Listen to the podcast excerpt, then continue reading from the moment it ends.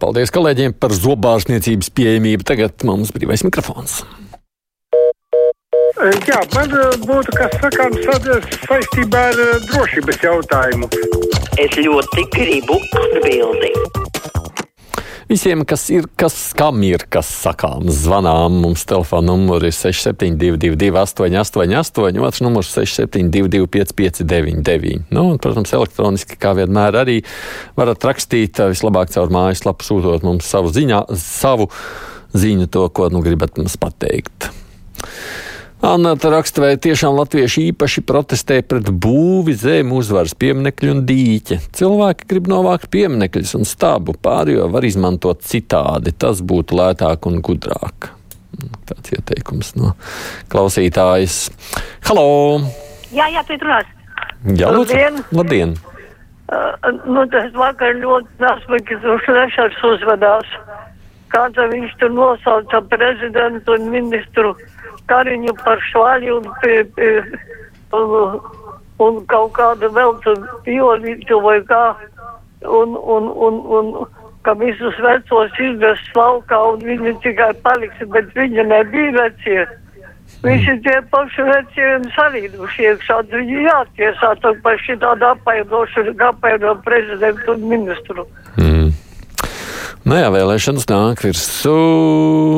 Tā tikai viss izlasiet, neaizņems vairāk par vienu minūtu un desmit sekundēm, raksta Jārs. Vakar TV kultūras ziņu pārraidē tika pavēstīts, ka tiek atklāta pavasara foto izstāde, izrādīti darbi, kur pamatējumi ir ka, ka, kal, kaiku, ka, kaļķu, kaku koki. Nē, es nepārakstījos.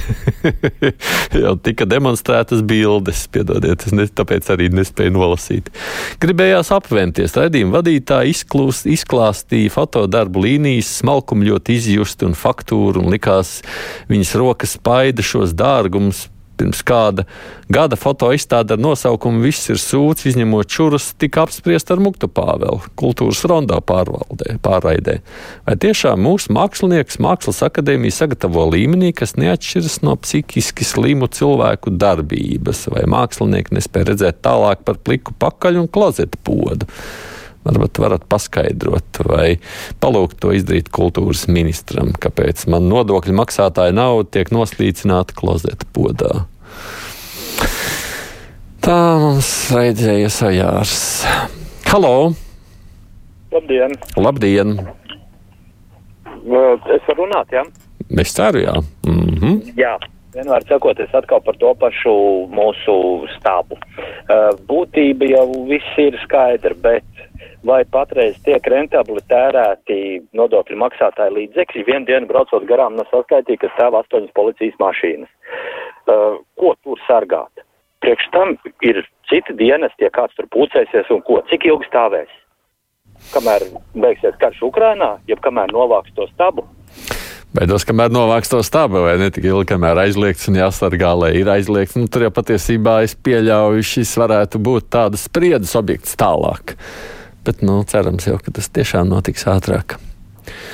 Par to pieminiektu arī mums Sīvers raksta, vai tad amerikāņu draugi NATO militāro apmācību iespējā nevarētu to pieminiektu tomēr uzspridzināt. Tur taču jāizmanto Latvijā nodokļu apmaksātas sprākstvielas 2,5% no valsts budžeta. Ietaupīsim miljonus uz ceļam krānu un 40 metru betonu drupinātāju, kur jāved no Putina Krievijas, un tad šos miljonus varēsim ziedot Ukraiņiem.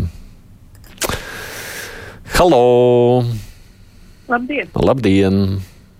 Gribēju pavaicāt sakarā to raidījumu, kas jums būs pēc vieniem. Kā jūs domājat, kā ir iespējams uzskaitīt konkrētos ienākumus katrā maisaimniecībā, ja mums ir 26% ēna ekonomikas? Tas nozīmē, ka gandrīz vairāk nekā katrs piektais saņem auga aploksni.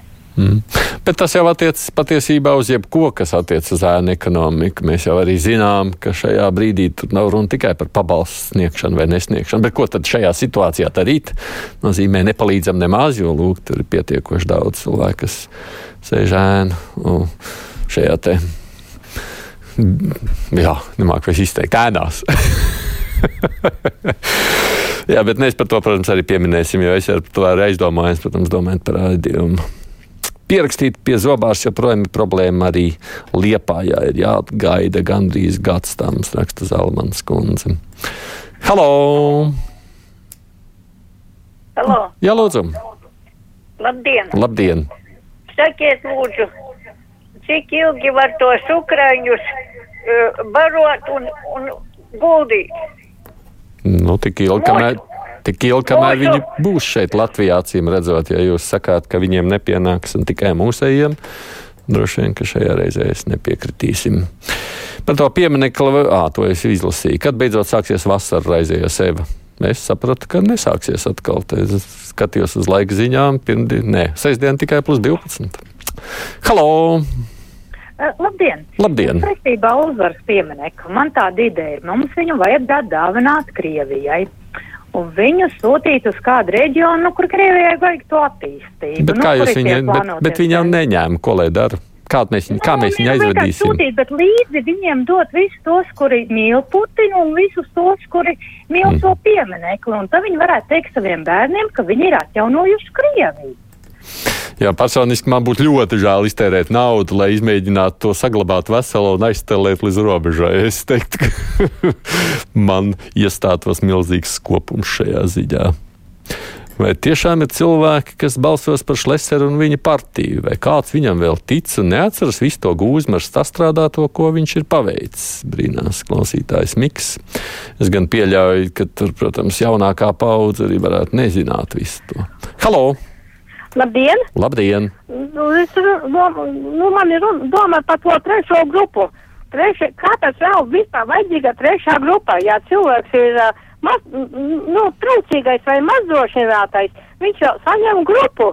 136 eiro, kā nu kuram tur sanākas. Paskat, kas naudu ietaupīt, un tā grupa jau arī, kā saka, nopirkta jau. Trešo grupu jau viens, divi var nopirkt. Ap pie otrās grupas tur ir jāpadomā.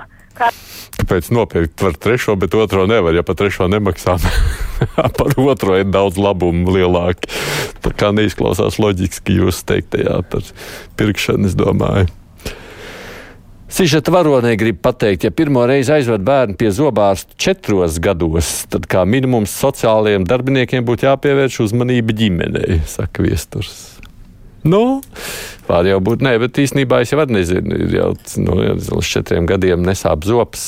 Es mēģinu atcerēties, kad es savus bērnus pirmoreiz vedu pie zobārsta. Halo! Paldies! Labdien!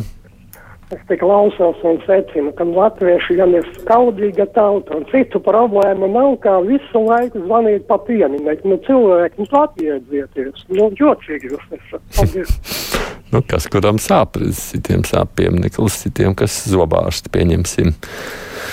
Ir konstatēts fakts, ka zobārstniecība ir bizness, raksta Zita.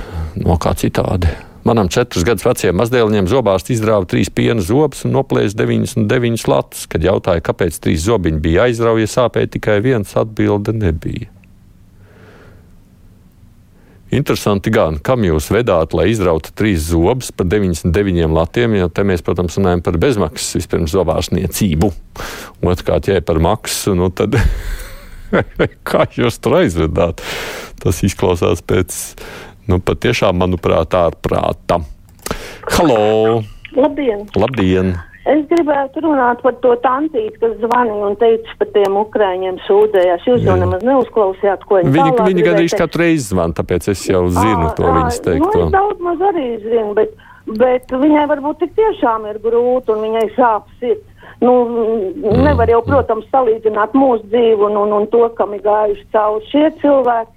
Bet tajā pašā laikā es tā domāju, kāpēc tik tiešām, un es gribu uzdot Aidi tev jautājumu, kāpēc tik tiešām mūsējiem vajadzēja paņemt tos 30 tūkstoši, ja, ja sākumā bija runa par 10 tūkstošiem, vai nu viņi domāja, ka gan jau, gan jau, gan, un tad tagad tik tiešām iznāk, nav vairs līdzekļi, nav tas, un tas sāk tā un šitā. Jūs sakāt, ka vajadzēja aizsūtīt, lai iet atpakaļ uz Poliju, kur jau ir daži miljoni. Es nesaku, vai, es nesaku, vai A, kur tad? aizsūtīt Kur tad? Bet bija, bet bija runa, ka Latvija varētu uzņemt desmit tūkstošus.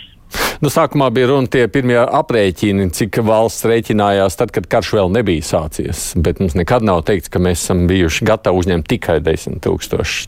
Toreiz jau arī tika sacīts, tad tālāk būs nākošais, nākošā rīcība. Es domāju, nu kā ir situācija tāda, kā ir. Protams, mēs varam apbrīnot to, ko spēj izdarīt poļi. Lielāka valsts, protams, arī lielāku skaitu uzņēmumu, bet nu, to masu, ko viņi ir paņēmuši. Un es pieļauju ļoti grūtu situāciju arī Moldovai. Nu, ir tā, kā ir. Un tur, es domāju, nav, nu, tur, tur nav ko filozofēt. Tik cik viņi mums ir šobrīd ieradušies, nu, tik mums jālīdz, protams, ir tas, kas ir ļoti nepieciešams, lai viņi spēj arī paši strādāt, pelnīt, un tā palīdzība vairs tik liela nav vajadzīga. Man šķiet, ka Ukrainai vispareizāk būtu kādu brīdi mēreni karot, it kā iedrošinot Krievu armiju, tad sagraut Krimas tiltu, lai nevar aizmukt atpakaļ, lai arī nevar piegādāt jaunus ieročus, un tad, lai Zelenskis visu to Krievijas armiju iznīcina un nobumbo, tad, kad tā būs lamatās. Man klusas aizdoms, ka tas plāns tāds tieši ir, vismaz slepeni avoti to vēstu, raksta Uldis. Nu, ar Krimas tiltu jau vairs nekas nebūs līdzēts, Uldi, tāpēc, ka, kā jūs zināt, šobrīd jau tur ir sauszemes koridors sen izkarots un diezgan paplašs koridors. Un tā ir jārēķinās kā realitāte. Halo! Sveicināti! Sveicināti! Vai nevarētu tos līdzekļus, teiksim, ko Eiropas Savienība ir iesaldējusi vai nu, konfiscējusi Krievijai, ja? jahtas, tur, kre, nu, naudas līdzekļus, lai Eiropas Savienība dod arī Latvijai, tad varētu Ukraiņu bēgļus arī pabarot par to naudu. Kāpēc mums par to būtu jāmaksā? Tā nevarētu būt. Paldies! Nu, tā nauda, man liekas, tiešām tā kā šobrīd tiek runāts, būs noderīga tajā brīdī, kad būs iespēja Ukraiņu atjaunot. Jo, ticiet, man tur būs arī ar šiem līdzekļiem nepietiks. Bet šobrīd jau arī pat Eiropa dala. Un kaut kādā mērā dod fondus, lai arī bēgļus uzņemtu. Bet nu, es domāju, gal galā katram ir šajā situācijā jānes zinām ar tavu, un mēs esam tieši tādi paši. Kāpēc Rīgas autoostā noņemti biļešu automāti? Tās rindas pie kasēm nav izturams karstā laikā un piepildītā zālē, rakstīja Ieva. Jā, bet ja jūs rakstāt caur internetu, man tas nozīmē, ka jūs visticamāk lietojat internetu, izmantojat iespēju nopērciet telefonā. Tas ir tikai ērti šajos laikos, nekāda grūtība. Halo! Labdien! Labdien. Es gribu uzdot jautājumu tām un tiem zvanītājiem par tiem ukrainu bēgļiem. Tad, tad nu, lai domā cilvēks par sevi, par savu ģimeni. Ja, piemēram, manu bērnu nošautu vai manu vīru nošautu, jā, tad, tad arī būs citas domas par tiem ukraiņu arī bēgļiem. Būs, būs laipnāki pret viņiem un arī nu, savsirdīgāki. Tā es domāju. Mm. Paldies! Paldies!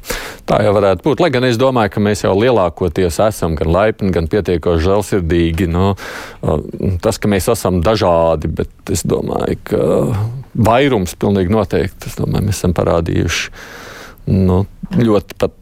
Neiedomājami reizēm sirds siltumu. Tas, ko daudz cilvēku ir izdarījuši šajā situācijā, tas ir apbrīnojami. Šlesers savā avīzē runā par ģimeniskām vērtībām, raksta Zāni. Tur ir arī viņa fotografijas. Vienā viņa portrets, otrā viņš kopā ar trim suņiem.